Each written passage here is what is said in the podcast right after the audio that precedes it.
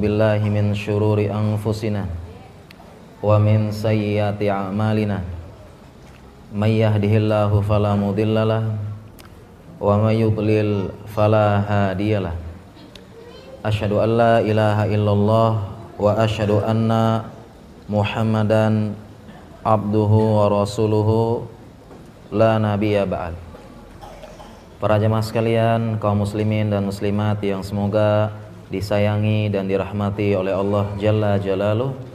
Assalamualaikum warahmatullahi wabarakatuh. Alhamdulillah segala puja dan puji kepada Allah. Salawat dan salam kepada suri teladan kita Nabi Muhammad sallallahu alaihi wasallam.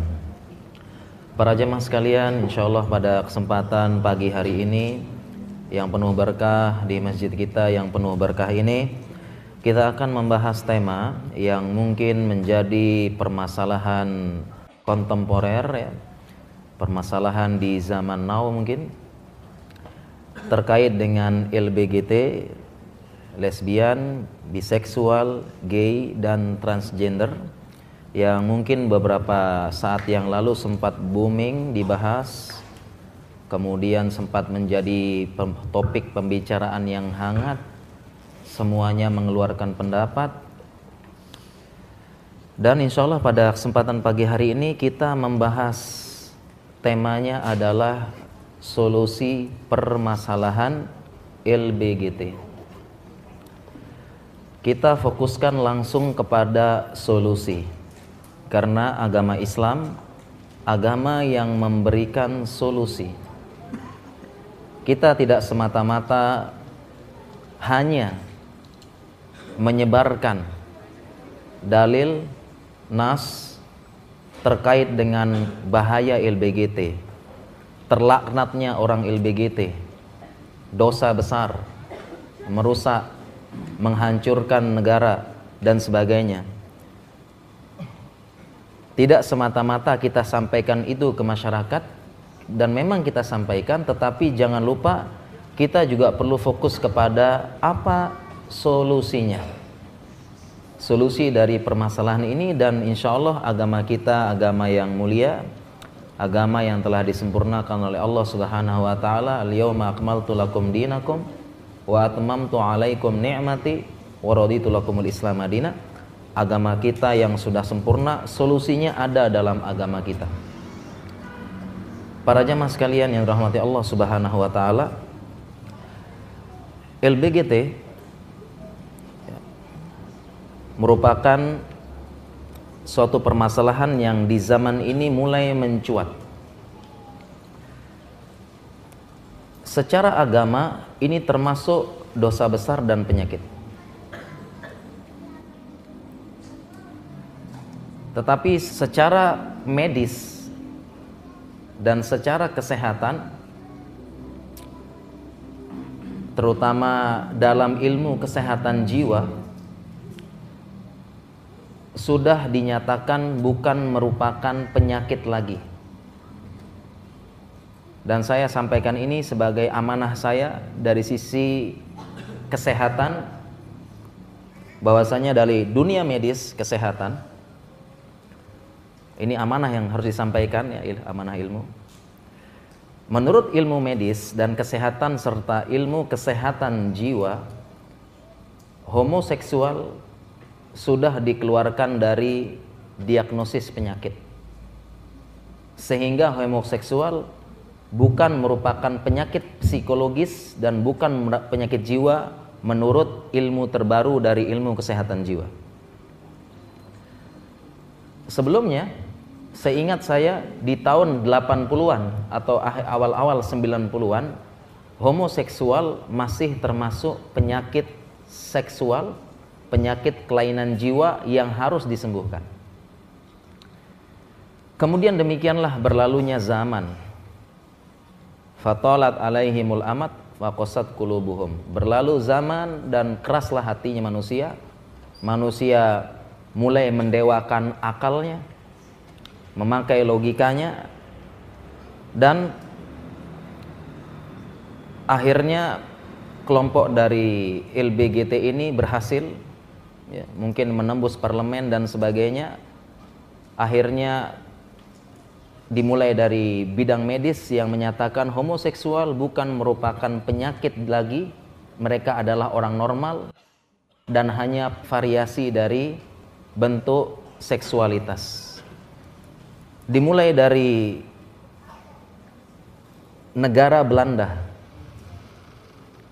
Negara Belanda negara setahu saya yang pertama kali melegalkan pernikahan sejenis sah diakui negara. Negara Belanda. Sekitar tahun awal 2000-an sehingga atau akhir.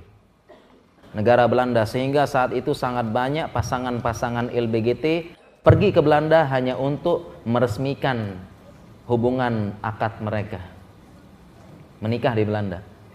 Kemudian mulai negara-negara Eropa mulai menyusul. Negara-negara sekitar.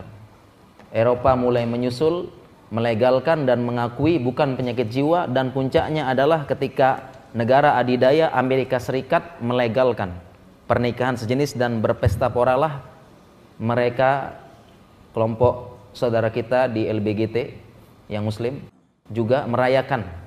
Dan di Indonesia juga ketika negara adidaya Amerika melegalkan pernikahan jenis mengakui pernikahan mereka. Berkembang. Sejak itulah di berbagai macam negara perkembangan mereka begitu pesat. Seolah-olah mendapat angin segar dari negara adidaya yang melegalkan. Di Indonesia sebagian berpesta pora merayakan walaupun ada yang tertutup ada yang terbuka. Dan mereka terus berkembang dan mereka dengan seperti ini meyakinkan orang-orangnya kamu normal. Kamu bukan bukan sedang terkena penyakit, kamu normal, kamu hidup dengan kita, hidup dengan komunitas kita, jalani hidup dengan normal, kamu bukan sakit. Dan ini menjadi alasan mereka.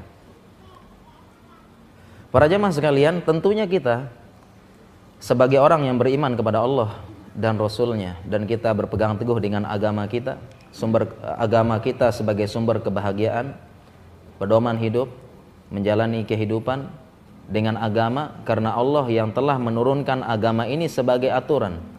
Siapa yang paling tahu cara bahagia di dunia ini, cara hidup teratur, berkah, makmur? Siapa yang tak paling tahu? Allah yang menciptakan. Sebagaimana kita punya alat-alat canggih di rumah sakit ini, ada CT scan, ada MRI, ada apa? Alat-alat canggih, bagaimana kita selamat? Bagaimana alat tersebut bisa baik alat tersebut bisa lancar, tidak mudah rusak. Caranya adalah kita membaca buku manual book, guide book. Dari siapa? Dari perusahaan yang buat. Sama. Kita agama ini Allah ciptakan langit dan bumi. Bagaimana cara kita benar-benar bahagia hidup di muka bumi ini? Ikuti aturan yang buat. Dan aturan tersebut adalah wahyu, syariat.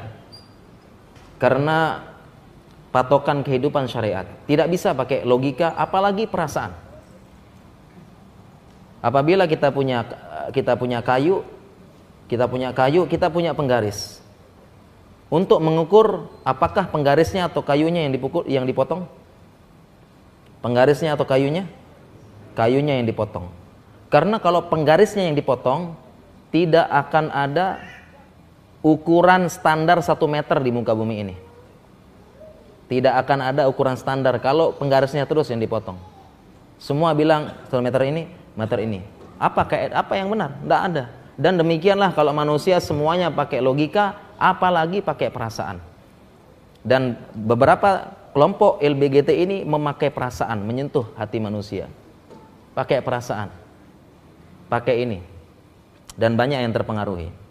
Para jemaah sekalian, Baik, kita memulai ya tentang LBGT dan kita batasi permasalahan LBGT di Indonesia. Dan di Indonesia mulai mencuat, mulai banyak. Komunitasnya baik terbuka maupun tertutup sudah mulai banyak sampai ada yang mengatakan ini mulai darurat. Darurat LBGT. Darurat bagi generasi muda, generasi bangsa, pemuda dan sebagainya darurat karena LBGT ini penyakit menular pemikiran yang menular, menular. Menular. Dari anak kecil ditularkan orang-orang juga menular. Menular. Penyakit ini menular. Banyak orang-orang yang biasa tiba-tiba entah beberapa hari kita ketemu berubah, menular dan ada prosesnya. Ada ceritanya, ada kisahnya. Ada sebabnya. Para jemaah sekalian, kita sekarang berbicara solusi. Kita berbicara solusi sekarang. Solusi dari permasalahan LBGT dan kita khususkan di Indonesia. Di Indonesia, ya. Di Indonesia yang secara umum mayoritas muslim. Ada dua permasalahan utama LBGT di Indonesia yang kita akan bahas solusinya. Yang pertama, keberadaan kaum LBGT. Keberadaan mereka di sini. Itu sudah masalah. Yang kedua, propaganda, program serta target LBGT di Indonesia.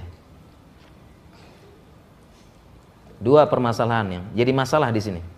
Dan kita akan bicarakan solusinya. Yang pertama, permasalahan dari keberadaan mereka teman-teman LBGT di sini. Dan ternyata para jamaah sekalian perlu diketahui penyakit jiwa terkait dengan kelainan seksual banyak. Tidak hanya LBGT. Ternyata banyak. Ada bestiality. Kecenderungan terhadap binatang. Ada pedofilia, anak-anak Dan ada yang lain juga. Ada golongan aseksual, tidak tertarik secara seksual dengan gender apa pun. Ada panseksual, tertarik dengan semuanya. Ada intersex dan sebagainya. Banyak jenis penyakit jiwa. Tapi yang terkenal empat tadi. Banyak. Dan di beberapa negara Eropa, mereka pun yang punya kelainan seperti ini menuntut minta dilegalkan juga. Yang bestiality, minta sama yang dia kecenderungan dengan hewan, minta juga dilegalkan Alasannya sama. Kalau kalian laki-laki sama-sama suka dan tidak mengganggu orang lain, terserah gue, bisa dilegalkan. Kenapa enggak? Saya suka, binatang peliharaan saya juga suka. Apa urusan lu? Apa urusan kalian? Legalkan. Demikian juga dengan anak-anak. Apa urusan kalian? Saya suka, anak ini juga suka. Senang pergi sama saya. Apa urusan kalian? Itu atas mereka yang berpaham liberal. Dan tidak benar pada jamaah sekalian, ini tidak benar. Artinya kita misalnya eh, sejenis mengatakan saya sama dia suka kemudian tidak mengganggu kalian. Saya bilang terganggu. Terganggu. Jadi keberadaan mereka di sini terganggu oleh kita kaum muslimin yang mayoritas dan kita yang masih bagus fitrahnya. Terganggu keberadaan mereka pertama terganggu dengan kita yang normal ini jadi keberadaan mereka mengganggu saya bilang tidak ganggu. Mengganggu kita yang normal. Jadi ada kisah ya seseorang sedang naik lift. Sedang naik lift tiba-tiba masuk dua orang laki-laki. Yang pertama dua orang laki-laki. Ya, pasangan mohon maaf pasangan gay. Satunya adalah dominannya, satunya submisif. Dominannya itu laki-lakinya, submisifnya itu perempuannya yang kemayu. Jadi di, di sedang berada di dalam lift, tiba-tiba dia sendiri di lift, tiba-tiba masuk dua orang. Kemudian ketika itu dia lihat tiba-tiba dua-duanya ngobrol di lift tersebut. Ternyata lagi ngambek-ngambekan. Akhirnya yang dominan mengatakan pada submisifnya, "Kamu jangan marah dong, jangan ngambek. Kan gue sudah kan aku sudah belikan boneka buat kamu." Nah, itu mengganggu mau muntah dia. Ya, pengen cepet-cepet keluar dari lift ini. Aduh nih. Sayangnya nggak bisa ditabok katanya gitu ya. Ini mengganggu. Siapa bilang tidak mengganggu? Kemudian mengganggu anak-anak kecil kita. Yang sedang belajar yang sedang usia terutama yang prebalik. Terganggu. Terganggu mereka mereka bisa menular anak-anak kecil. Terlebih anak-anak kecil yang tidak punya uh, perhatian orang tuanya broken home kemudian stres tekanan depresi kena. Bisa. Mengganggu dan bisa menular. Penyakit LBGT menular menular bagaimana proses menularnya proses menularnya adalah dia mengenai orang-orang yang dia sedang guncang jiwanya. Karena secara psikologi Secara psikologi, seseorang tidak akan merubah prinsip dasar hidupnya kecuali jiwanya sedang tergoncang. Saya ulangi. Seseorang tidak akan merubah prinsip dasar hidupnya kecuali jiwanya sedang tergoncang. Apa contoh prinsip dasar hidup? Dia hormati ibunya. Kemudian dia pilih keluarganya. Prinsip hidup juga dia suka perempuan. Laki-laki, perempuan suka laki-laki. Itu prinsip dasar hidup. Yang ada pun biarpun kita misalnya saya punya prinsip dasar hidup, saya hormati ibu saya. Ibu saya segalanya. Biarkan saya di apa pun dipengaruhi, diapakan, dipukul, saya tidak akan ubah prinsip dasar hidup tersebut. Biar saya dipengaruhi bagaimanapun disiksa, saya tidak, tetap ibu saya. Tetapi ketika mengalami kegoncangan jiwa, bisa diubah prinsip tersebut dan inilah teknik yang dipakai oleh orang-orang untuk mencuci otak.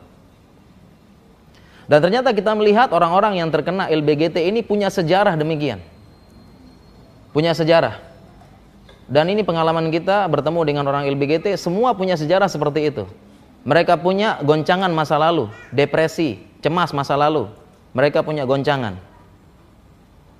Kemudian saat itu pas yang mendekati dia adalah orang-orang dari LBGT, yang dekatin, yang peluk, yang kasih perhatian, kena. Jadi menularnya seperti itu.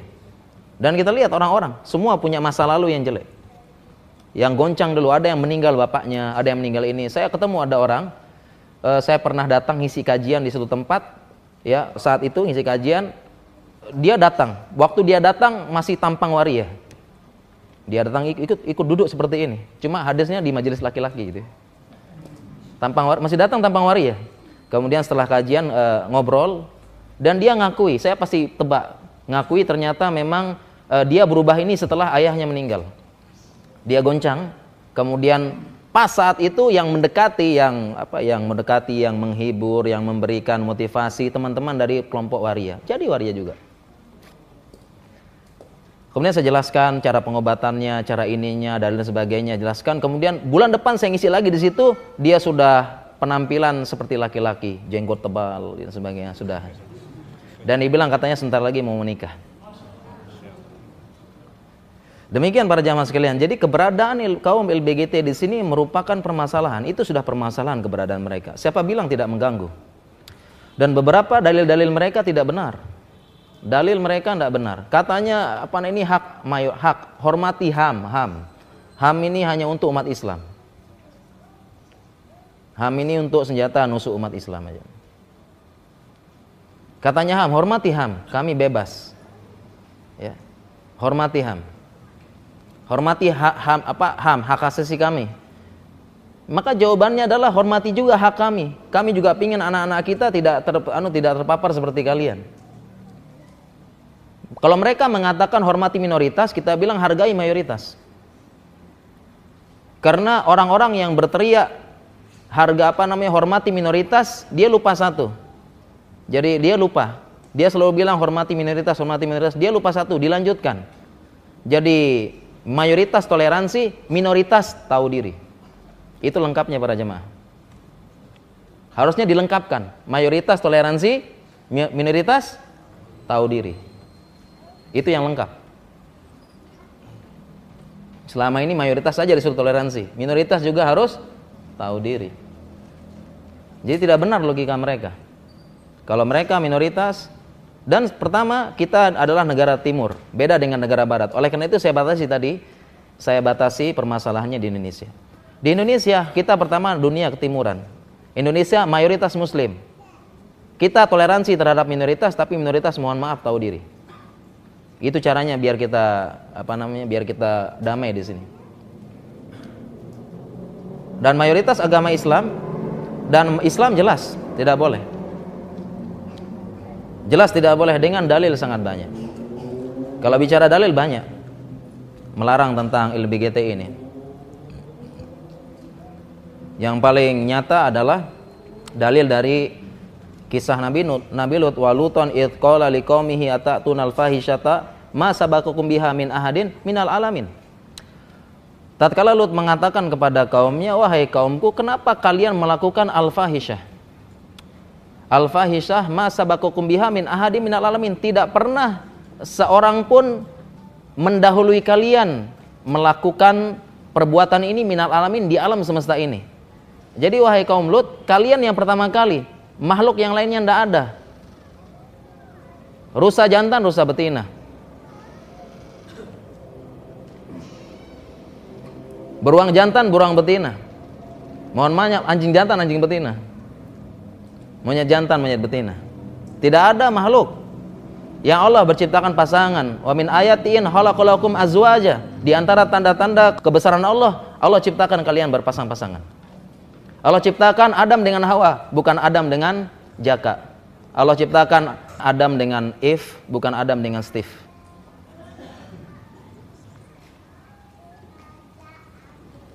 Tidak pernah didahului tidak pernah didahului oleh Rasulullah uh, sebelum kalian tidak ada minal alamin satu alam semesta ini tidak ada yang seperti kalian ini baru kalian pertama kali. Innakum latatuna rijala syahwatan min dunisa kalian mendatangi laki-laki dan kalian meninggalkan perempuan. Di zaman Nabi Lut laki-laki dengan laki-laki. Baru sekarang udah midut. Ya. Ada beberapa ulama tafsir menjelaskan bahwasanya memang ada setan yang dia mengajarkan kepada kaum Lut. Setan yang mengajarkan dan diikutin. Dan beberapa ulama juga menjelaskan ketika laki-lakinya mendatangi laki-laki, perempuan banyak yang perempuan banyak yang tersia-siakan. Akhirnya perempuan ini karena banyak yang tersia-siakan karena ini satu kaum. Perempuannya banyak yang tersia-siakan, akhirnya antar perempuan pun lesbian. Antar perempuan pun juga demikian. Dan terlalu banyak dalil yang lainnya. La'anahullah, la'anahullah man amali man amila amala kaumi Lut.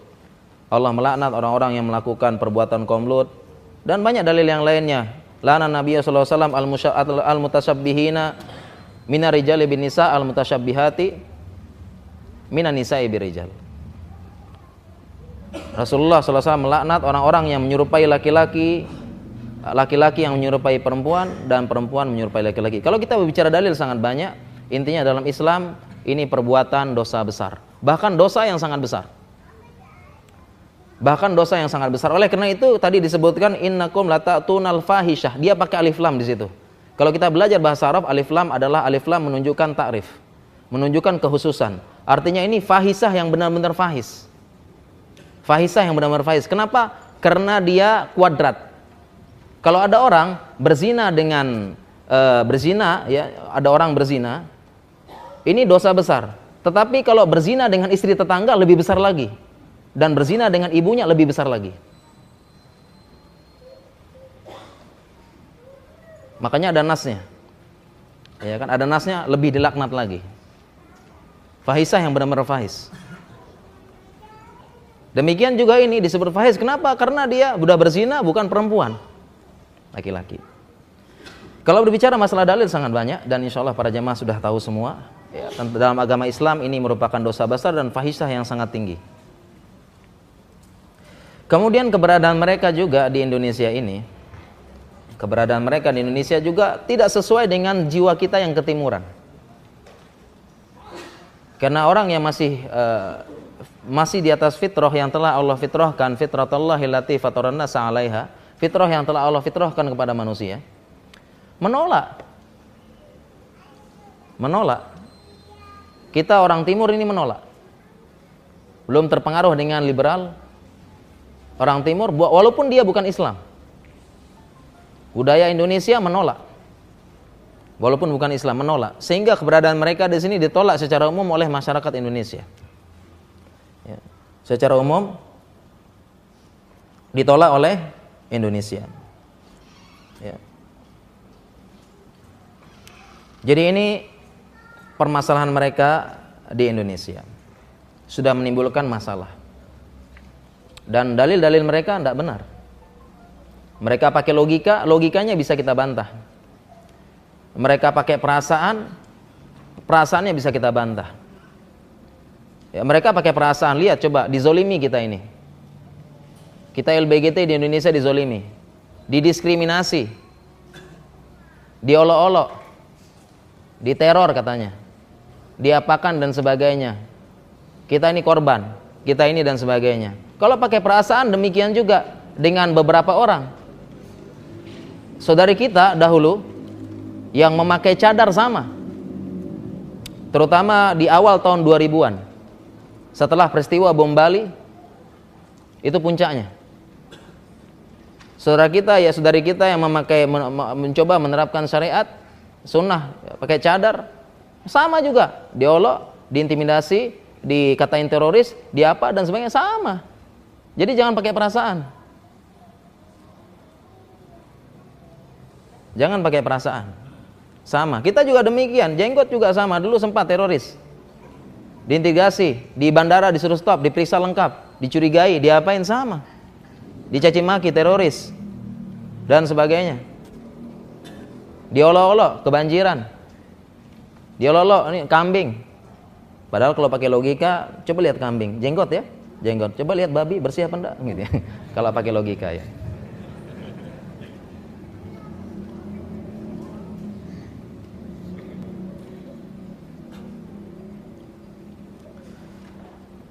Jadi keberadaan mereka di sini tidak dibenarkan, tidak umat uh, in, penduduk Indonesia secara umum menolak.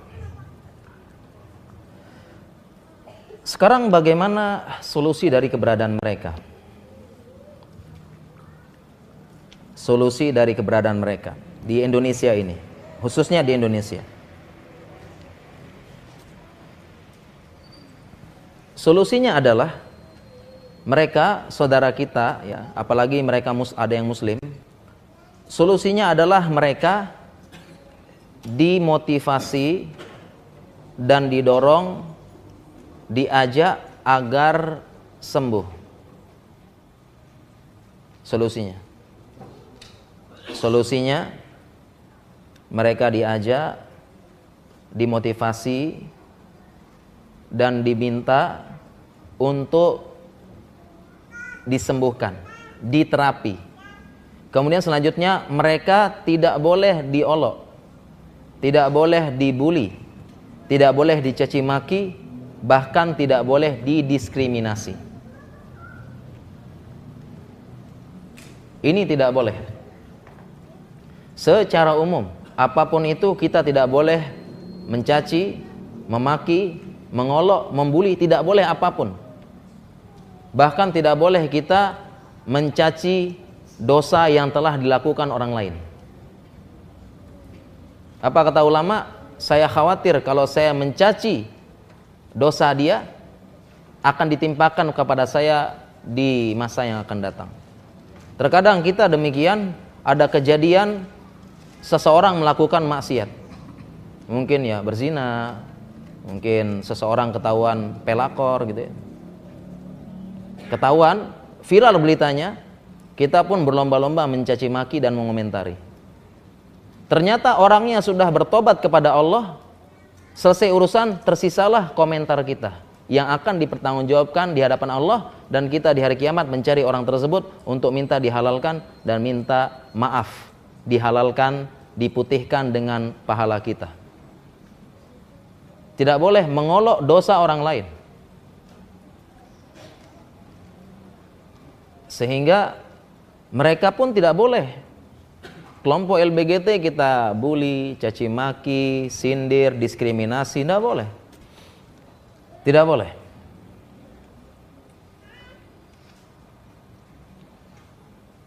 Tidak boleh kita main-mainkan.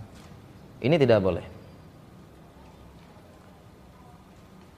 Dan kita bahasanya kita ajak mereka untuk sembuh, dimotivasi untuk sembuh dan bisa sembuh. Kita motivasi mereka supaya sembuh. Jangan kita tadi bully, diskriminasi dan memang Islam tidak boleh.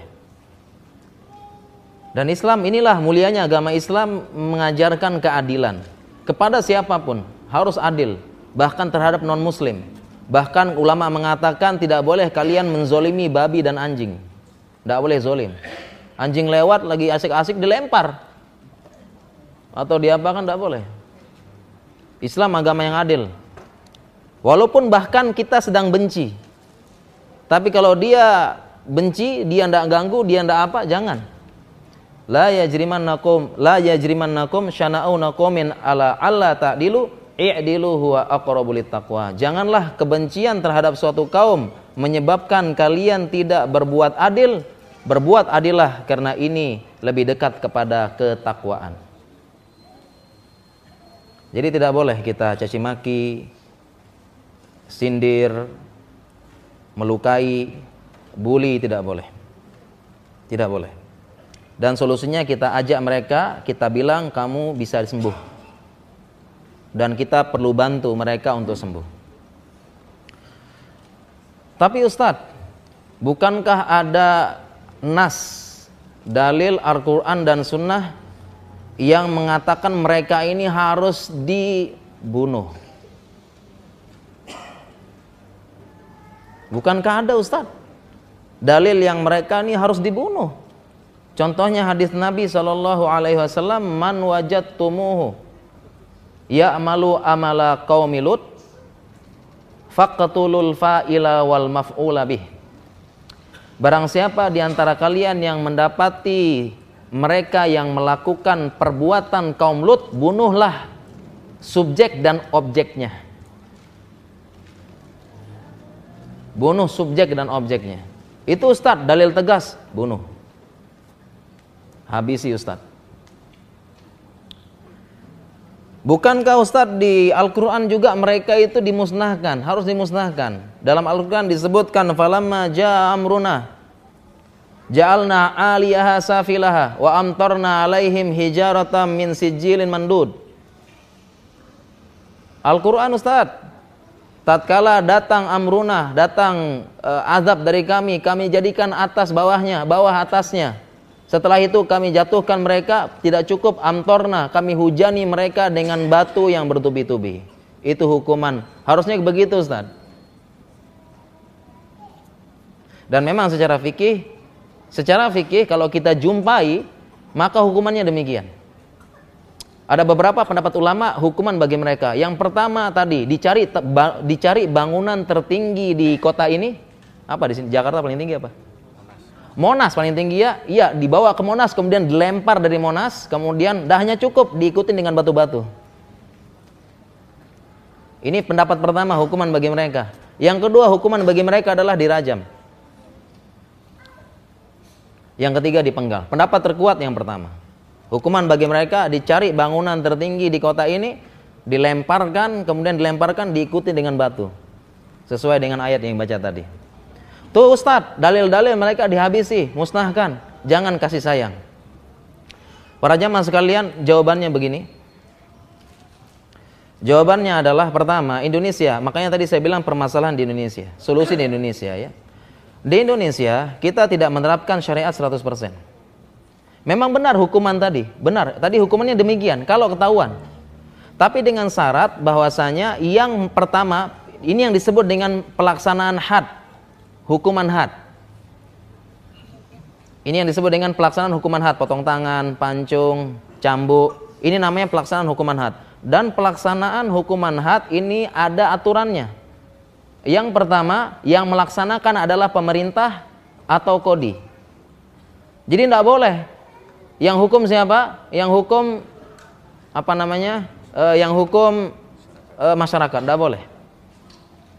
Tidak boleh pelaksanaan had ini yang laksanakan masyarakat biasa. Tidak boleh dalam Islam. Ditangkap rame-rame, di apa, ditelanjangin, arak keliling kampung, gitu ya. Setelah itu dibunuh, tidak boleh. Tidak boleh dalam Islam. Yang boleh melaksanakan had hanya pemerintah dan kodi. Ini yang pertama. Jadi tidak boleh sembarangan. Kita apalagi tidak boleh. Karena kalau semuanya, kalau masyarakat biasa bunuh-bunuhan nanti tuduh-tuduhan. Harus kodi. Yang kedua, permasalahan tersebut harus sampai di kodi. Harus ada yang laporkan. Dan kodi pun mengadili mana bukti, mana syahid, mana ah, mana uh, saksi, uh, saksinya, mana ini terbukti baru. Dan ini ada fikihnya. Jadi di Indonesia ini belum diterapkan dan tidak bisa. Kecuali kalau pemerintah pemerintah kita menyatakan itu hukumannya, iya. Jadi kita tidak bisa. Di Indonesia ini belum bisa, kita-kita ini belum bisa. Memang benar demikian. Sehingga solusi paling bagus ya mereka ini diajak untuk sembuh. Kita melakukan pendekatan persuasif, kita jelaskan, kita inikan cara sembuh dan sebagainya, dan insya Allah bisa sembuh. Jadi solusi di Indonesia mereka ini demikian. Tidak boleh dicaci maki, dibully, di apa dan dan sebagainya. Dan kita kita sampaikan tetap tetap kita sampaikan dari Islam apa syariat-syariat Islam. Dalil-dalil tadi kita sampaikan kepada mereka. Tapi sembuh bisa. Kita jelaskan supaya bisa sem sembuh. Dan ternyata ter, ter, dan banyak yang bisa sembuh. Banyak yang bisa sembuh dari mereka. Kalau dari pengalaman ya, pengalaman saya pribadi ya. Jadi pengalaman pribadi memang banyak nih yang apa yang apa istilahnya ya ada gitulah ya. Bertemu dengan mereka. Cara yang menurut saya ya, tadi sudah kita jelaskan secara syariat, kemudian sekarang secara psikologis. Cara yang paling ampuh, ini pengalaman saya ya, mungkin para jamaah punya pengalaman yang lebih ampuh. Kalau pengalaman saya pribadi, cara yang paling ampuh supaya mereka sadar, kita ajak merenung. Ajak merenung mereka. Ajak merenung. Mereka ini ajak merenung. Ya, begitu juga kepada orang tersebut ya yang tadi saya ceritakan, saya ajak merenung sebentar. Kita katakan pada mereka, kalian seperti ini mau sampai kapan? Sampai kapan kamu jadi waria atau sampai kapan kamu ingin jadi gay seperti ini? Kita tanya.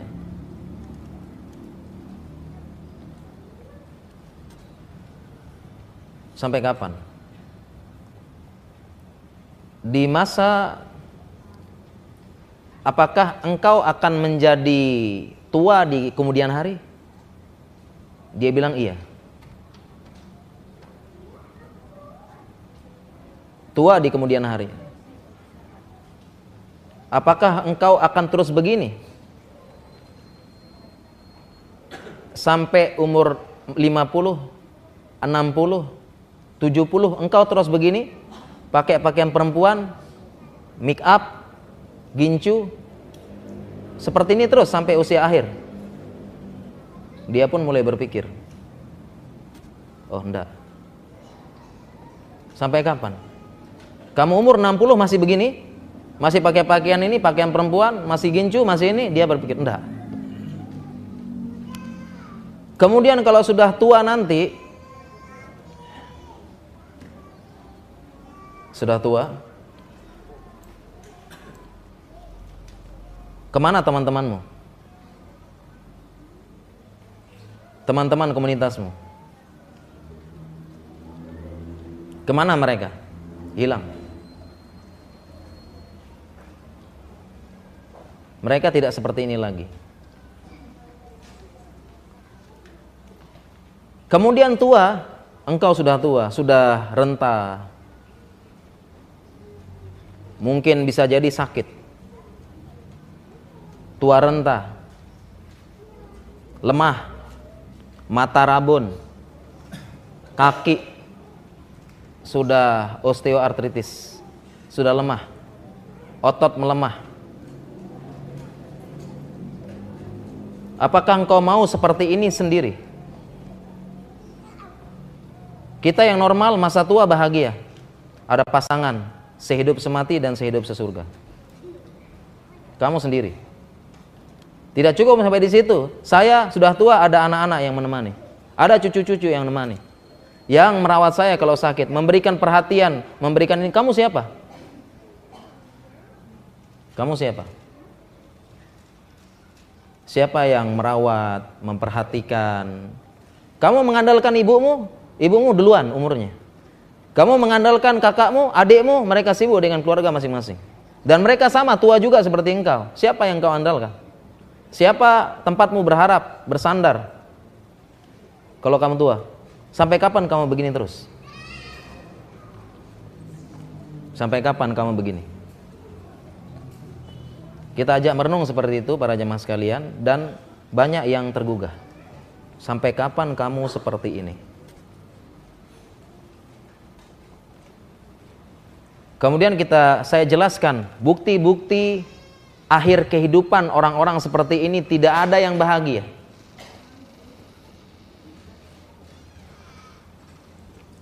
Akhir kehidupan orang-orang seperti ini tidak ada yang bahagia.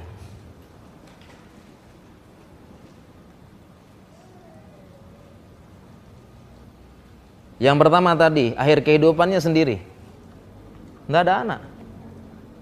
Teman-temannya juga sudah tua semua.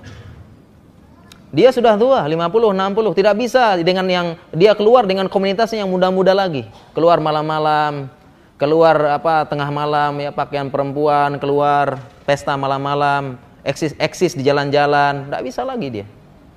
Teman-temanmu sudah hilang juga.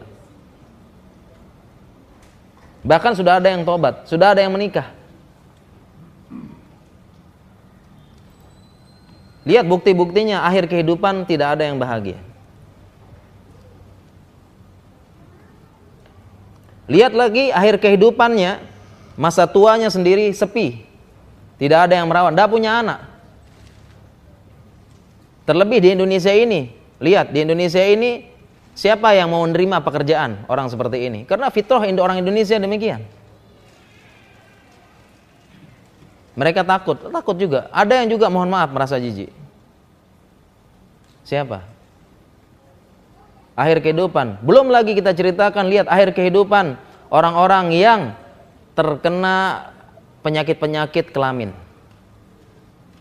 dan terbukti akhir kehidupannya Para jamaah sekalian, saya spesialis patologi klinik bekerja di laboratorium. Salah satu yang kita periksa adalah HIV. Salah satu yang kita periksa HIV. Sehingga kita orang-orang laboratorium tahu, oh orang itu HIV ternyata. Padahal dia seperti orang biasa. Tapi ini adalah rahasia laboratorium, tidak boleh bocor. Kalau bocor dituntut kita nanti. Jadi kita tahu. Orang laboratorium tahu, ini HIV ini.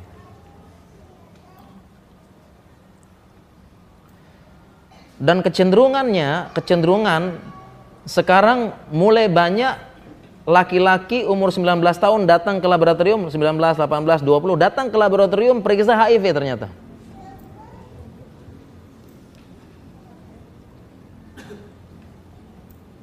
delapan belas, sembilan belas, laki-laki muda 18, 19 tahun HIV positif positif HIV. Kenapa para jamaah sekalian? Karena HIV sangat mudah menular kepada mereka yang melakukan hubungan badan lewat bagian jalur belakang. Sangat mudah menular HIV. Mengapa demikian para jemaah sekalian? Kalau orang normal, laki-laki dan perempuan, mohon maaf ya, bagian yang itu memang diciptakan untuk itu. Tapi mohon maaf kalau jalur belakang ini tidak diciptakan untuk itu dan pasti muncul luka. Baik luka mayor maupun luka minor. Luka minor luka yang tidak terlihat. Pasti muncul luka. Biarkan mereka mengkampanyekan mohon maaf, mengkampanyekan safe sex, mengkampanyekan alat ini. Jadi alat dibor dulu sebelum ini biar lancar katanya. Ada itu. Macam-macam aja mereka ya. Biar lancar pakai pelumas, safe sex dan tidak benar. Pasti terjadi perlukaan. Ada luka mayor maupun minor. Baik mayor yang kelihatan darahnya, yang minor tidak kelihatan. Pasti karena bagian belakang itu tidak diciptakan untuk itu. Pasti ada luka minor sehingga virus HIV sangat mudah menular. Jadi dia menularnya lewat lukanya itu. Jadi kalau secara teori ini tangan saya, tangan saya tidak ada luka. Kemudian tangan saya ini saya, eh, saya apa saya tumpahkan darah orang yang HIV selama tidak ada luka, tidak masuk tidak menular. Karena cara menularnya dia harus masuk lewat darah dan itu luka, baik minor maupun mayor, baik yang kelihatan darahnya maupun tidak kelihatan darahnya. Orang yang dia lewat jalur belakang pasti terjadi perlukaan dan langsung nular. Sangat cepat. Berbeda dengan laki-laki dan perempuan, ini beda. Memang diciptakan untuk itu. Dan sangat jarang terjadi perlukaan baik mayor maupun minor, sangat jarang. Sehingga kalau ada pasangan laki-laki perempuan, satunya HIV, ada yang mengatakan kemungkinan tertular 1 sampai 5 persen. Karena selama tidak terjadi perlukaan, tidak akan nular. Laki-laki perempuan. Sehingga kalau ada laki-laki perempuan zina, kena HIV berarti sudah azab, sudah ribuan kali dia berzina. Tapi mohon maaf kalau dia jalur belakang, sekali aja langsung menular. Bisa, karena pasti luka. Dan ini sesuai dengan hadis Nabi SAW apabila tersebar zina, tersebar uh, tersebar riba, Allah turunkan penyakit yang tidak ada di zaman sebelum kalian. Dan ternyata penyakit-penyakit ngeri-ngeri tersebut semuanya karena penyakit kelainan seksual. Zina, kelainan seksual, sipilis, hepatitis B, dan sebagainya, penyakit raja singa. Para jemaah sekalian tahu kenapa disebut raja singa? Kenapa penyakitnya disebut raja singa? Iya, karena ketika dia kencing, sakit banget dia teriak kayak singa. Disebut raja singa kenapa? Karena ketika kencing dia sudah radang, sudah luka. Penyakit ini karena menular seksual. Ketika dia kencing sakit luar biasa, kadang-kadang dia perlu teriak kayak singa, makanya disebut penyakit raja singa. Rajanya lagi gitu ya. Jadi begitu para jamaah sekalian ya. Lihat kita kasih renungan, lihat akhir dari kehidupan kalian ada yang bahagia tidak yang seperti kalian ini. Coba kalian lihat senior-senior kalian. Coba perhatikan. Akhir sampai kapan kamu begini? Lihat itu yang terkena ini HIV.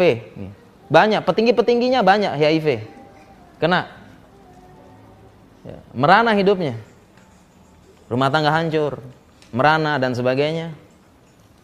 Dan jangan kira mereka bahagia, jangan kira mereka bahagia para jamaah sekalian. Ya, pasangan ya. Dan pasangan ini bisa nekat. Pasangan ini pas mohon maaf ya, pasangan gay ini bisa nekat.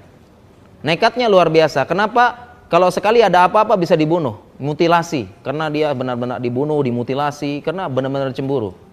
Kenapa? Karena antar mereka, kenapa? Kenapa? Karena antar mereka sudah jarang. Jadi kalau mereka putus ini luar biasa ya. Kalau mereka putus ya. Putus, putusnya baik karena dia selingkuh atau dia nikah atau dia selingkuh sama perempuan yang lain. Karena ada yang biseksual ya. Kanan oke kiri oke. Kalau dia cemburu nih cemburunya luar biasa orang gay ini.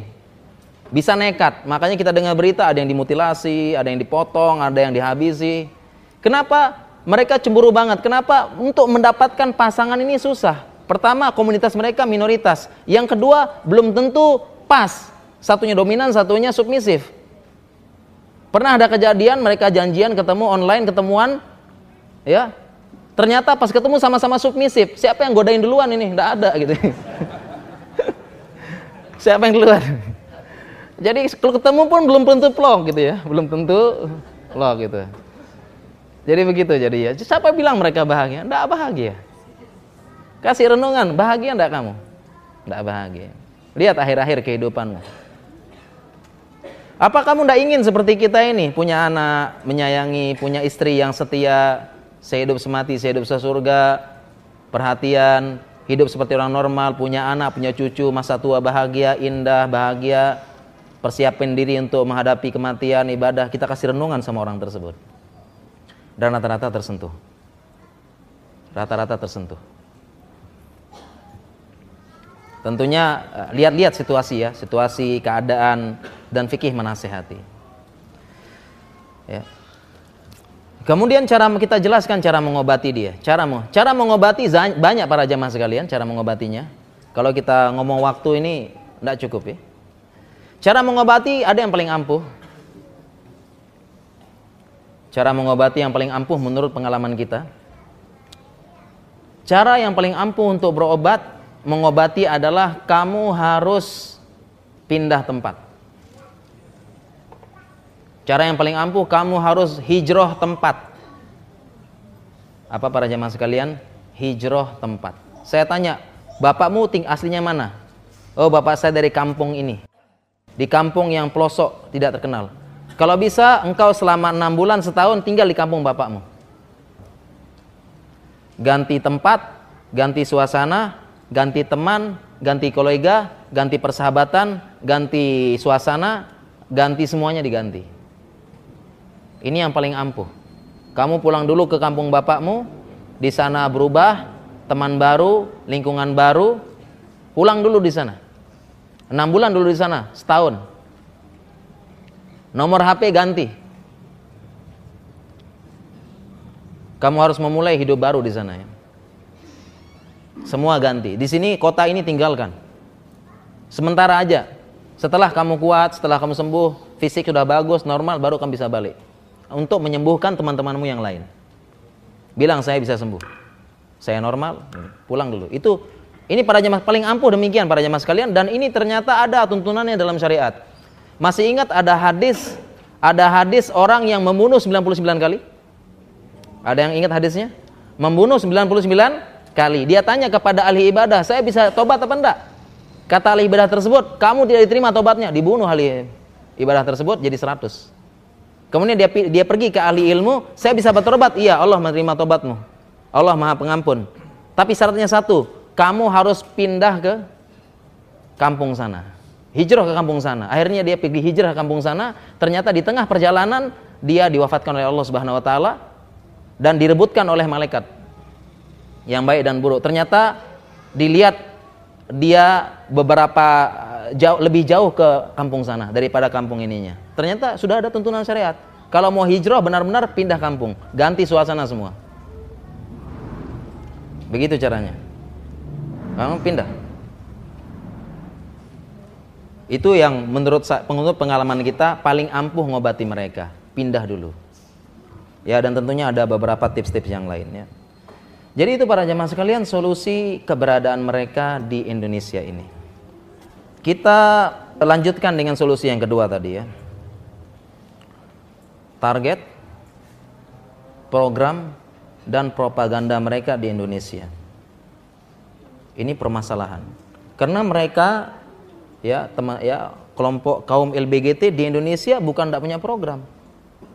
Mereka punya program, mereka punya propaganda, mereka punya ini dan sebagainya dan dibiayai oleh komunitas LBGT internasional. Dan kita perlu melawan propaganda target mereka perlu tahu. Ada beberapa hal yang mereka gunakan propaganda.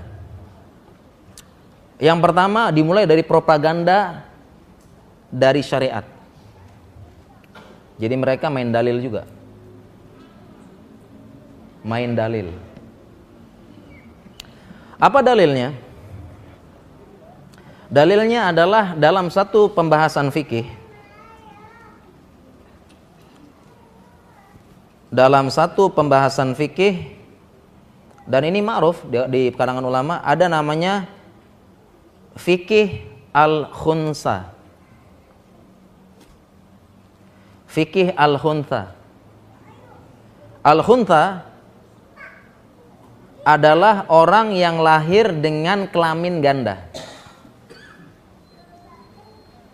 Orang yang lahir dengan kelamin ganda ini namanya al-khunsa. Kalau bahasa kedokterannya hermaprodit. Jadi memang ada orang yang lahir kelaminnya ganda. Ada. Yang kadang-kadang lahir belum kelihatan, tapi makin besar makin besar kok kelaminnya ganda. Saya pernah ya stase urologi, saya panggil pasiennya. Saya panggil pasiennya, saya panggil namanya nama perempuan. Masuk tampang laki-laki, kaget ini. Ternyata kelaminnya ganda.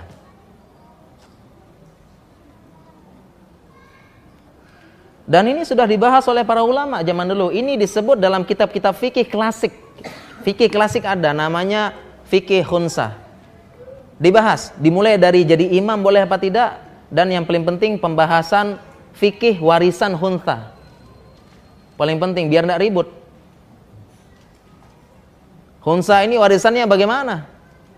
Laki-laki atau perempuan? Lizakri mislu hadzil unsayain. Laki-laki jatahnya dua kali perempuan. Hunsa bagaimana? Ini dibahas oleh para ulama. Penting pembahasan ini, ribut, berkelahi, bunuh-bunuhan keluarga nanti. Ya. Jadi hunsa ini sudah dibahas oleh para ulama fikih klasiknya. Lahir kelamin ganda. Dibahas juga boleh jadi imam apa enggak?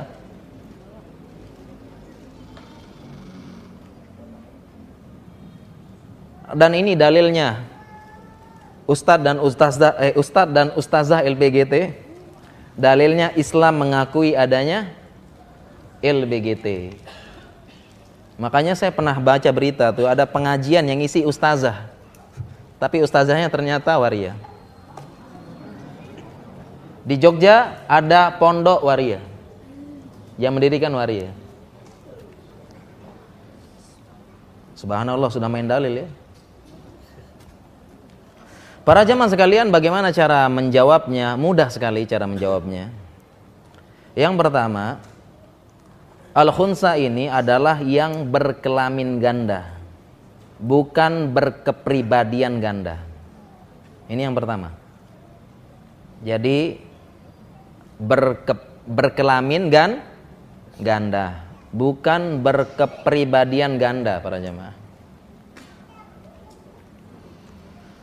Kalau berkepribadian ganda, ternyata ada istilah fikihnya juga namanya mutakhannis. Mutakhannis atau mutakhannas. Inilah terjemahnya waria. Jadi maaf, khunsa bukan waria. Waria itu bahasa fikihnya mutakhannas atau mutakhannis. Jadi sudah salah ini, salah. Salah ini, sudah salah memahami. Dua jawabannya. Kemudian secara kesehatan para jamaah sekalian, saya punya guru profesor di bidang uh, ilmu jiwa. Justru orang yang hunfa ini atau bahasa kedokterannya hermaprodit, justru mereka ini berperilaku mantap. Justru dia mantap sebagai laki-laki atau mantap sebagai perempuan walaupun kelaminnya ganda. Justru hunsa ini dia mantap pilihnya. Dia mantap jadi laki-laki, mantap jadi perempuan, walaupun kelaminnya ganda. Dan memang hermaprodit ini adalah proses saat organogenesis terjadi pembentukan organ, terjadi kesalahan dalam pembentukan organ. Jadi dia sempat bingung ini, akhirnya kebentuk dua. Cacat bawaan dan biasanya ada yang ada di antara kelaminnya ini yang tidak berfungsi. Ada sih ada tampangnya tapi tidak berfungsi. Oleh karena itu dibahas oleh para ulama dibahas para ulama ini laki-laki atau perempuan, cara taunya adalah lihat ketika sudah dewasa, sudah mulai agak besar sedikit, ke mana mohon maaf air kencingnya keluar, jalurnya mana. Kalau jalur kencingnya keluar lewat situ laki-laki berarti. Itu dibahas oleh para ulama. Jadi tahu dia laki-laki atau perempuan, lihat dari ke mana keluar air kencingnya. Dan ternyata memang kalau ini dia cuma hanya sekedar ini dan tidak berfungsi. Dan boleh dioperasi dihilangkan. Boleh ya. Jadi ini menjawab propaganda mereka. Ya, main dalil mereka ya, Masya Allah ya. Dan kita balas dengan ilmu juga. Jangan debat sama Ria keluar dalil kita langsung keder gitu kan. Aduh, ya bener juga ya. Bahaya ini mah. Aduh. Makanya kita balas dengan ilmu juga para jamaah sekalian. Ini fungsinya nuntut ilmu begini. Kemudian ini yang terakhir propagandanya ya. Propagandanya adalah mereka membentuk suatu komunitas-komunitas komunitas, komunitas. Dan mereka tidak sangat tidak segan-segan untuk merangkul. Jadi merangkul, merangkul mereka yang homo LBGT mereka merangkul, mereka merangkul dikasih kasih sayang. Dikasih ketenangan, kamu ini normal, hidup seperti normal, seperti kita-kita, jangan pedulikan orang lain normal. Mereka punya komunitas. Ada komunitas, mohon maaf, komunitas gay Jakarta, komunitas gay ini, ada itu mereka, men. Grup WhatsApp-nya ada, grup Facebook-nya ada. Dan pernah ada seseorang ya, tidak sengaja dimasukkan di grupnya. Kaget dia. Ternyata mereka pembicaranya seksual terus. Ya Allah. Pembicaranya karena sana ganteng ini, uh keren banget gitu ya Makanya mereka apa keren banget, uh bersih gitu ya, kemudian ototnya kuat. Itu bicara kayak gitu mereka. Kaget dia langsung aja, live aja lah sebelum muntah kata kitanya gitu ya. Katanya begitu ya. Dia pernah dimasukkan tidak sengaja, kaget dan mereka bicaranya begitu. Jadi sama orientasinya seksual juga mereka. Makanya mereka sangat memperhatikan tubuhnya. Kebersihan tubuh di kala-kala perempuan mereka tuh. Ya, bersih, kinclong, rapi, bening, kemudian apa namanya? fitness terus. Kalahin cowok-cowok. Mereka oh, mereka sispek, cowok-cowok kita nih one pack gitu kan. Jadi jangan khawatir para jamaah sekalian. Katanya, ini katanya, zaman sekarang yang one pack istrinya cantik cantik, yang sispek istrinya ganteng-ganteng. ya.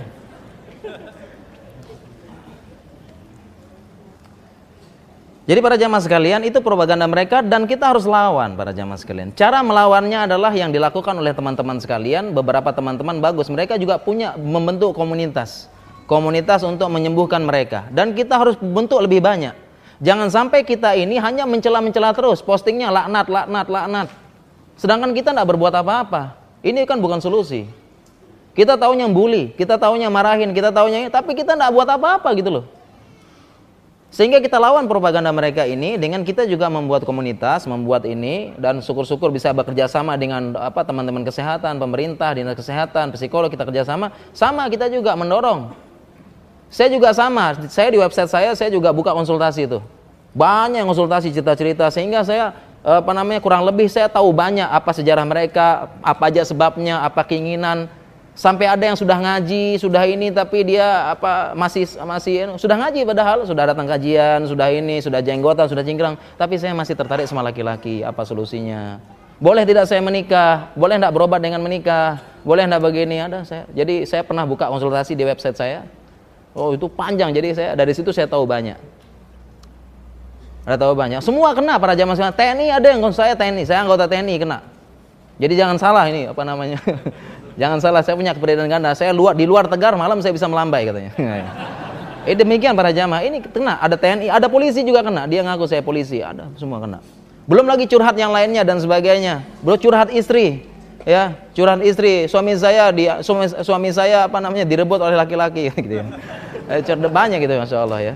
Saya saya dulu buka konsultasi itu dalam rangka supaya kita tidak sekedar ini aja kita bantu. Kita bantu tidak sekedar cuma caci maki sebarkan laknat sebarkan ini bunuh gitu bukan. Tapi apa? Sehingga solusi dari propaganda mereka ini kita juga buat. Yang bisa punya kemampuan buat tuh buat komunitas yang bisa buat konsultasi. Mereka perlu disembuh, mereka perlu disembuhkan. Karena mungkin perbuatan kita yang bully, yang diskriminasi sehingga mereka makin dirangkul oleh apa namanya? komunitas mereka dan makin jadi. Karena perbuatan kita yang kita bully, kita diskriminasi, kita apa, dia ke mana? Ketika dirangkul oleh komunitas yang dibuat LBGT, mereka nyaman, senang dan sebagainya. Dan tetap bagaimana? Karena perbuatan kita tadi, kita pun tidak memberikan solusi. Sehingga demikian yang kalau cara solusinya yang punya kemampuan ya buatlah. Bantu mereka, buat kalau punya pengal ilmu bantu ilmu konsultasi. Bagaimana solusinya? Punya komunitas bantu, lihat ini komunitas sudah banyak yang sembuh, sudah ini dan sebagainya. Kalau ada komunitas hijrah, kalau ada komunitas hijrah ya, ada yang hijrah ya. Habis ini, habis apa, ahli maksiat apa, dia buat komunitas hijrah supaya bisa lebih istiqomah sama. Ada komunitas yang sudah sembuh dari LBGT. Jelasin normal dan sebagainya. Jadi ini solusi melawan propaganda mereka para jamaah sekalian. Ya, kita juga sama kalau mereka buat komunitas, kita juga buat komunitas dan bisa menyembuhkan. Mungkin demikian materi para jamaah sekalian ya, tidak semua kita bisa sampaikan ya. Ada beberapa hal ya, cara ngobatin ya, misalnya di rukiah kah, psikologis kah, cara bagaimana dan masih banyak ya insya Allah ya. Tapi kita karena waktu terbatas pada jemaah sekalian kita lanjutkan dengan tanya jawab ya insya Allah. Baiklah ada beberapa pertanyaan para jemaah sekalian ya. Mudah-mudahan saya bisa menjawab. Dan ini mohon maaf tidak semua pertanyaan yang bisa saya jawab ya. Yang bisa aja. Iya Ustadz pekerjaan saya sebagai petugas kesehatan. Menghadapi orang-orang mayoritas LBGT yaitu mengobati penyakit, merubah dan berusaha mengubah perilaku mereka agar tidak menularkan penyakit mereka. Tetapi terkadang bertolak belakang dengan hati nurani saya. Terkadang saya khawatir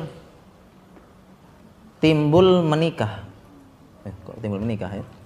Karena ada berapa kasus calon pengantin dengan proses ta'aruf yang positif terkena penyakit menular tersebut. Bagaimana saya menyikapi mayoritas gay menikah karena tuntutan sosial? Oh, maksudnya ini pertanyaannya dia yang ngobatin ya. Cuma dilema ya, dilema setelah ini ada yang minta menikah padahal belum sembuh benar gitu ya dan memang para jemaah sekalian kan kalau kita di Indonesia ini banyak gay menikah karena sekedar status sosial atau menyembunyikan gaynya karena ini udah kaya sukses tenar gagah ganteng six pack 40 tahun belum nikah. Nah ini kan ada sesuatu ini berarti kan? Ya. Ya masyarakat sudah tahu ini. Ya, dan mereka tidak bisa menyembunyikan kegayannya begitu ya. Nggak bisa. Sepandai-pandai tumpai melompat jatuh juga gitu. Jadi kadang-kadang keceplosan dan sudah tahu orang-orang yang dekat dia ketahuan dia walaupun dia sembunyikan dia ini gitu ya. Apalagi indikasi 40 tahun belum nikah. Padahal apalagi yang nunggu nih. Makanya para jomblo jangan gitu cepet nikah gitu. Biar tidak dicurigai macam-macam. Ya.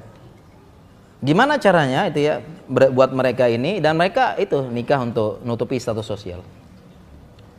Apakah gay bisa punya anak? Bisa. Bisa punya anak. Ya, mungkin dia mohon maaf ya, mungkin dia mendatangi istrinya sekali aja. Dan itu dia datangi dengan perasaan jijik, dia tutupi dirinya, jijik. Dia datangi istrinya, istrinya hamil bisa. Dari mana saya tahu ada curhat istri ya, di konsultasi tersebut ya, dia curhat ya, suami saya hanya sekali nyentuh saya, Ketika nyentuh pun tidak ada perasaan dia sambil tutup mata dan saya hamil. Setelah itu tidak pernah lagi. Saya tahu ternyata gay. Bisa punya anak dia, bisa dan gay. Nah, oh mungkin pertanyaannya bagaimana kalau dia pengen ini menikah? Para jamaah sekalian, kalau menikah ini terkait dengan fikih aib dalam pernikahan. Fikih aib dalam pernikahan. Aib sebelum menikah ada dua secara fikih. Yang pertama aib yang tidak terkait dengan tujuan pernikahan. Yang kedua, aib yang terkait dengan tujuan pernikahan. Contohnya aib yang terkait dengan tujuan pernikahan, contohnya misalnya mandul, impoten, ini aib yang terkait dengan tujuan pernikahan. Karena apa tujuan pernikahan? Ingin punya anak dan melampiaskan syahwat yang halal. Kemudian termasuk aib yang terkait dengan pernikahan punya penyakit kulit yang parah. Yang langsung dia merah-merah, bau. Ini dijelaskan karena terkait dengan syahwat. Termasuk aib, pernikah, aib yang terkait dengan pernikahan adalah kelainan seksual. Ini aib yang terkait dengan tujuan pernikahan. Termasuk aib yang terkait dengan tujuan pernikahan adalah dia sudah tidak mampu bekerja karena lumpuh atau apa? Atau bagaimana? Karena tujuan pernikahan adalah istri berhak mendapatkan nafkah. Kalau aib terkait dengan tujuan pernikahan harus dijelaskan kepada pasangan sebelum menikah harus terus terang. Kalau aib terkait dengan tujuan pernikahan harus dijelaskan kepada pasangan tersebut. Harus dijelaskan aib saya. Tidak boleh disembunyikan dosa. Sedangkan aib yang tidak terkait dengan tujuan pernikahan disembunyikan. Jangan bongkar dosa masa lalu. Contohnya dia perempuan yang dulu pernah berzina, laki-laki yang dulu pernah berzina, aib masa lalu tidak terkait dengan pernikahan. Tidak usah dijelaskan, tidak usah dijelaskan sama calon suaminya. Saya udah hilang keperawanan saya, jangan, tidak jadi gitu kan. Tutupi semuanya. Tidak usah dijelaskan.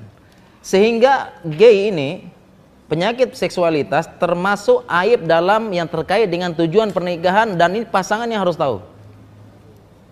Harus dijelaskan. Dijelaskan rinci dia gay, Dijelaskan rinci dia baru sembuh dari gaynya. Jelaskan.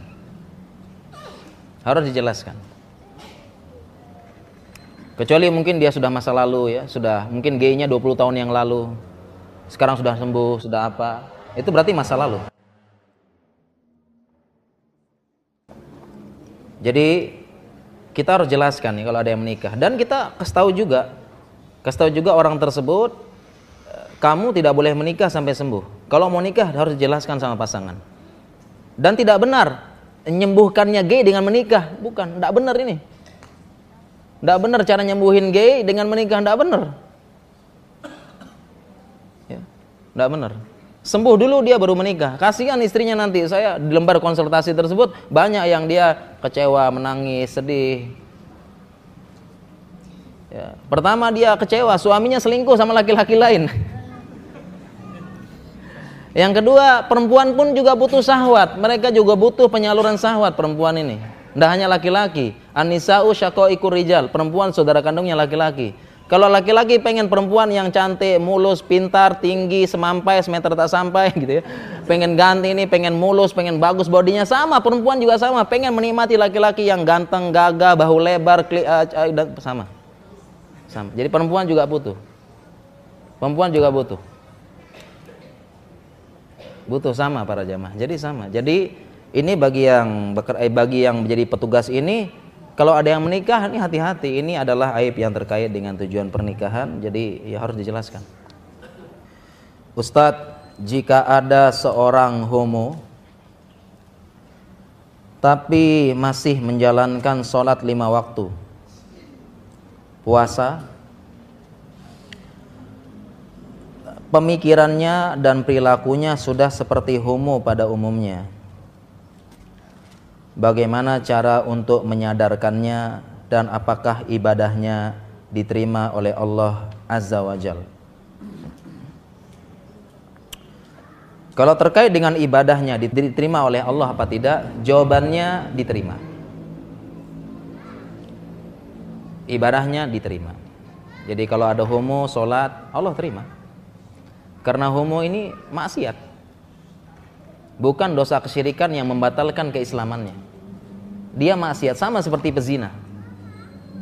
Sama seperti pembunuh, pembantai. Tetap diterima ibadah, ibadahnya tetap diterima. Ibadahnya tetap diterima oleh Allah Subhanahu secara umum. Tetapi yang ditakutkan adalah ketika Allah sudah melaknat, Rasulnya sudah melaknat dan Allah jauhkan dari pengertian laknat adalah Allah jauhkan dari rahmatnya. Itu pengertian laknat.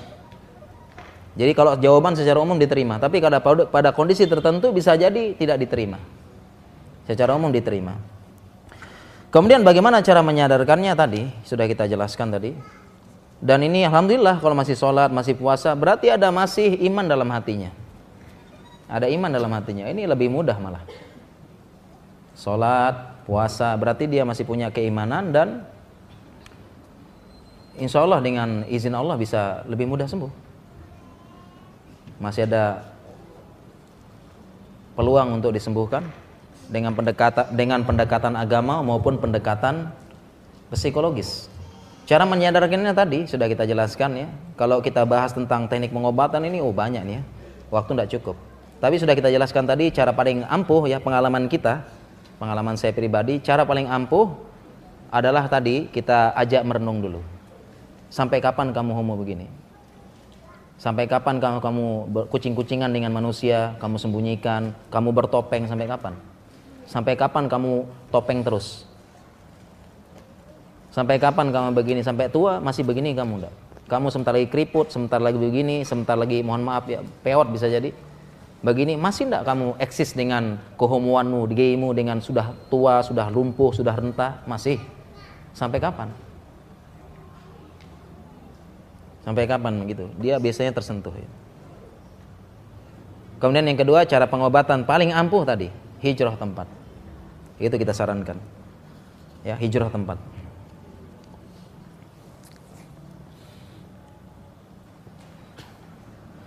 Bagaimana cara menasehati saudara yang dicurigai gay atau homo? Orang tersebut merasa mapan secara ekonomi, pendidikan baik. Saudara yang lain sudah menasehati tapi orang tersebut cuek saja. Cara menasehati sama ya. Kita ajak bicara hati ke hati, kita ajak bicara. Sampai kapan engkau begini? Kemudian juga kita ingatkan ya walaupun engkau homo tapi engkau mapan, ekonomi baik dan sebagainya, bisa jadi ini bentuk istidraj dari Allah Subhanahu wa taala. Istidraj. Bentuk istidraj artinya yang dimaksud dengan istidraj itu Allah berikan dunia kepada dia. Allah hamparkan dunia kepada dia tetapi sesungguhnya Allah sudah tidak peduli. La yanzuru ilaihim, tidak melihat, wala yaltafit, tidak menoleh. Allah tidak peduli lagi. Dibiarkan. Ibarat seorang ibu memberikan HP kepada anaknya. Nak, main HP ini seharian. Puas kan? Bahagia enggak anaknya? Bahagia. Dan ibu tidak pernah memberikan cubitan kasih sayang. Itu namanya istidraj. Allah berfirman dalam Al-Qur'an, "Sanastadrijuhum min haitsula ya'lamun." Kami akan beri istidraj bagi dia dari arah yang tidak dia ketahui. Di ayat yang lain, "Afa aminu makrullah." Apakah kalian merasa aman dari makar Allah dan tafsir makar Allah di sini adalah istidraj. Kita katakan dia istidraj ini, homo tapi mapan apa dilaknat tapi. Bilang ini istidraj dari Allah. Ibarat ibu tadi, ibu kasih anaknya HP, main seharian nak. Seneng nih. Ibunya tidak pernah kasih cubitan kasih sayang. Istidraj dijelaskan ini istidraj.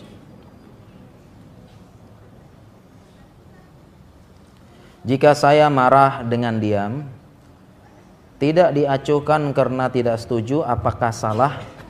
Saya sedih, orang tua kami sudah tua. Iya, ya, fitrah manusia ada saudaranya gay sedih.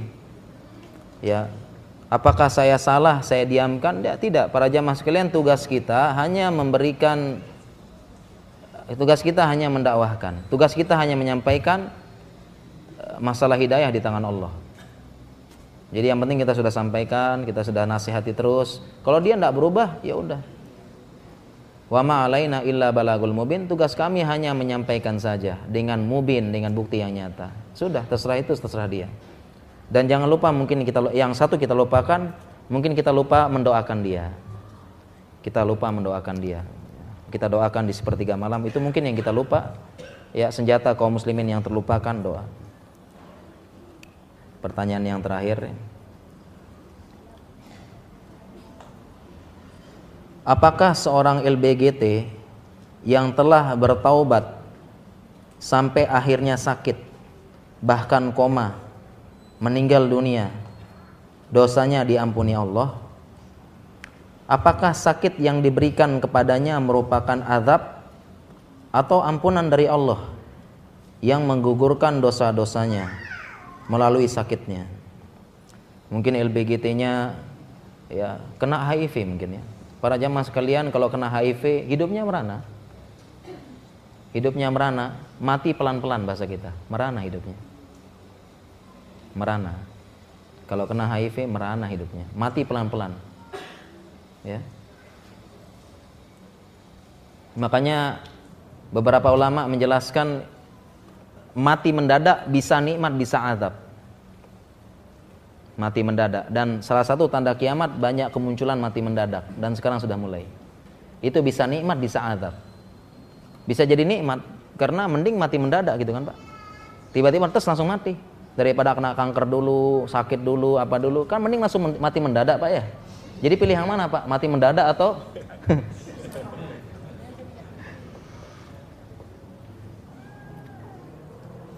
iya Mungkin dia kena HIV, kemudian akhirnya dia sakit, kena HIV, dan kemudian dia bertobat. Dan banyak kita temui seperti ini. Dia kena HIV, dijelaskan, baru kapok. Baru dia ngakui saya salah. Dan itu adalah bisa jadi rahmat dari Allah Subhanahu wa taala. Kalau tidak begitu, tidak tobat-tobat. Baru dia tobat setelah dikasih HIV oleh Allah. Dan ada ujiannya para jamaah ini ada ujiannya. Kenapa? Karena HIV orang yang terkena HIV dia butuh waktu 5, 10 sampai 15 tahun sebagai waktu Windows period. Artinya orang misalnya sekarang orang positif HIV. Dia baru kena AIDS nanti setelah 5, 10 atau 15 tahun. Jadi beda para jamaah sekalian. HIV ini kena virusnya. HIV ini di darah dideteksi ada virus HIV. Sedangkan AIDS adalah mulai muncul sindrom gejala-gejalanya. Ini namanya AIDS. Itu bedanya jemaah. HIV sama AIDS. HIV ini ketika dideteksi darah ada virus. Tetapi muncul gejala-gejalanya itu namanya AIDS. Dan AIDS ini baru muncul biasanya 5, 10 atau 15 tahun. Jadi dia seperti orang normal selama 5, 10 dan 15 tahun. Dia seperti orang normal. Belum sakit. Dan di sinilah orang-orang yang nularkan yang ini, yang masa minus periodnya ini. Dia yang nularin ini, masih orang normal. Bawa virus HIV. Karena baru muncul penyakitnya itu setelah ini. 10, 15 tergantung orangnya 15 tahun. Ini sering nular ini. Kecuali kalau sudah muncul gejalanya baru muncul gejalanya, baru muncul sakitnya dia. Kena diare, gampang diare, gampang kena penyakit e, gampang kena sakit pernapasan, terkena penyakit apa? terkena penyakit e, infeksi jamur. Jamur ya. Jadi kalau orang sudah benar-benar turun daya tahan tubuhnya, jamur paling gampang kena jamur gampang kena. Kalau kita ini enggak. Tapi kalau daya, daya turun dia kena jamur, gampang kena jamur, lidahnya, matanya. Jadi ketahuan sudah. Jadi AIDS-nya itu setelah lama gitu. Makanya ini banyak orang HIV masih lalu lalang nularin orang lain. Dia baru stop setelah kena AIDS-nya ini. Sudah mulai kena diare terus. Makanya tubuhnya kurus. Krempeng, sakit-sakitan, napasnya kena penyakit napas terus, gampang kena penyakit. Kurus, krempeng apa dan merana hidupnya ini. Nah, kalau dia sudah kena penyakit, apakah dia menghapuskan dosa apa dia? Iya, secara umum semua penyakit menghapuskan dosa. Ma yusibul muslima min wasabin wala nasabin wala hammin wala husnin wala adan wala ghammin hatta syaukati yusakuha illa kafarallahu biha min khotoyah. Tidaklah seorang muslim ditimpa dengan kelelahan, ditimpa dengan penyakit, ditimpa dengan kesusahan, kesedihan, gangguan, kegundahan, sampai duri yang menyentuh kaki dia, menusuk kakinya, kecuali Allah hapuskan dosanya. Jadi secara umum menghapuskan dosa. Kemudian ini apakah adab atau ampunan tergantung dari dia. Musibah, e, musibah, apakah ini musibah ini adab atau penghapus dosa tergantung dari dianya.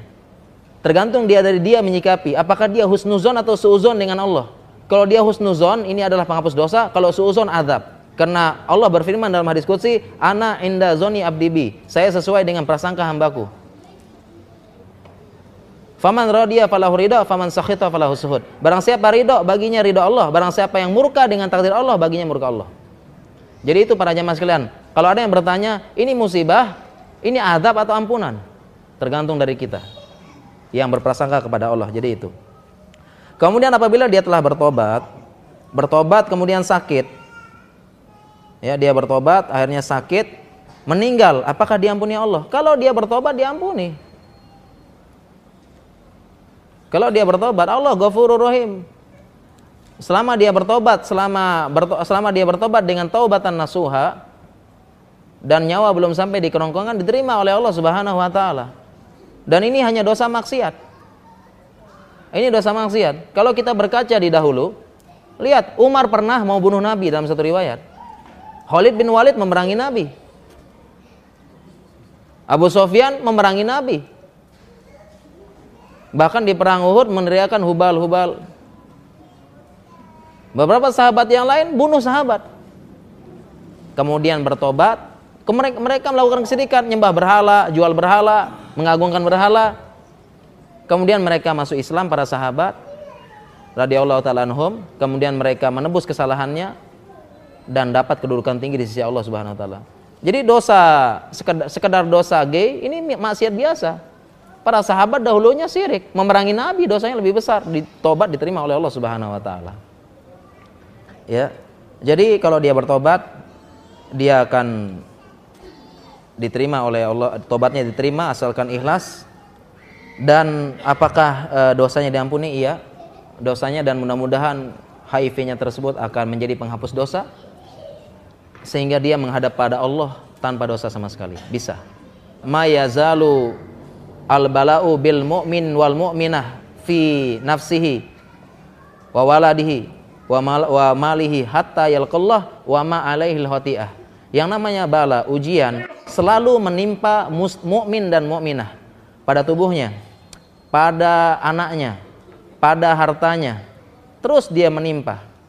Sampai kapan? Hatta yalqallah wa ma alail hoti'ah. Sampai dia bertemu dengan Allah tanpa dosa sama sekali. Sehingga apabila dia bersabar, terus dia bersabar dengan sakitnya, terus dia bersabar, dia bersabar mengharap hapus dosa, bisa jadi dia menghadap kepada Allah tanpa dosa sama sekali. Ya, jadi bisa seperti itu ya para jamaah sekalian dan ini motivasi kita kepada teman-teman yang LBGT, kita dekati yang sudah kena HIV tersebut, karena ayat kita dekati, ya ajak pendekatan agama, mengobati dan dengan itu dia bisa mengajak teman-teman yang lain bertobat. Buktinya saya ini sudah kena azab di dunia. Buktinya dan mereka sudah tahu sebenarnya. Komunitas LBGT sudah tahu. Sudah tahu sahabat mereka kena HIV, sahabat mereka kena AIDS, ada yang mati mengenaskan, sudah tahu Cuma mereka eh, karena kuatnya solidaritas komuni, apa, komunitas saling menguatkan terus bagaimana kita punya komunitas hijrah menguatkan. Mereka juga saling menguatkan. Dengan fitnah-fitnah dalam tanda kutip dari luar. Fitnahnya mereka itu. Jadi mereka pun komunitas ini saling menguatkan. Mereka tahu temannya mereka HIV, teman mereka mati mengenaskan, satunya lagi kurus, kering tulang kena HIV, satunya lagi begini, satunya merana, satunya rumah tangga hancur, satunya tahu mereka ini. Tapi mereka menutup mata dan terus saling menguatkan. Kita normal, kita normal katanya. Dan kita jangan mau kalah. Para jamaah sekalian, mungkin ini yang bisa kita sampaikan ya. Ya, mungkin mohon maaf tidak semua pertanyaan bisa kita bahas dan memang tidak semua pembahasan terkait hal ini bisa kita sampaikan karena waktu yang terbatas. Mungkin demikian para jamaah sekalian yang bisa kita sampaikan. Mudah-mudahan apa yang bisa kita bahas ini menjadi ilmu bagi kita semua. Mudah-mudahan yang kita bahas ini bisa membantu saudara-saudara kita supaya bisa sembuh, supaya hidup normal dan semoga dengan ilmu yang kita bahas ini menjadi berkah dan semoga Allah melindungi negara kita tercinta dari uh, penyakit LBGT yang telah ditetapkan oleh syariat dan semoga ini adalah bentuk dakwah kita dan dakwah yang berbuah surga. Demikian para jemaah sekalian, saya mohon maaf apabila ada salah kata, salah ucap, salah eh, kemudian apabila ada salah kesimpulan, salah dalil mohon saya diluruskan. Demikian yang bisa kita bahas pada siang hari ini. Kita akhiri dengan doa kafaratul majelis. Subhanakallahumma wa bihamdika asyhadu an la ilaha illa anta astaghfiruka wa atubu ilaik. Wassalamualaikum warahmatullahi wabarakatuh.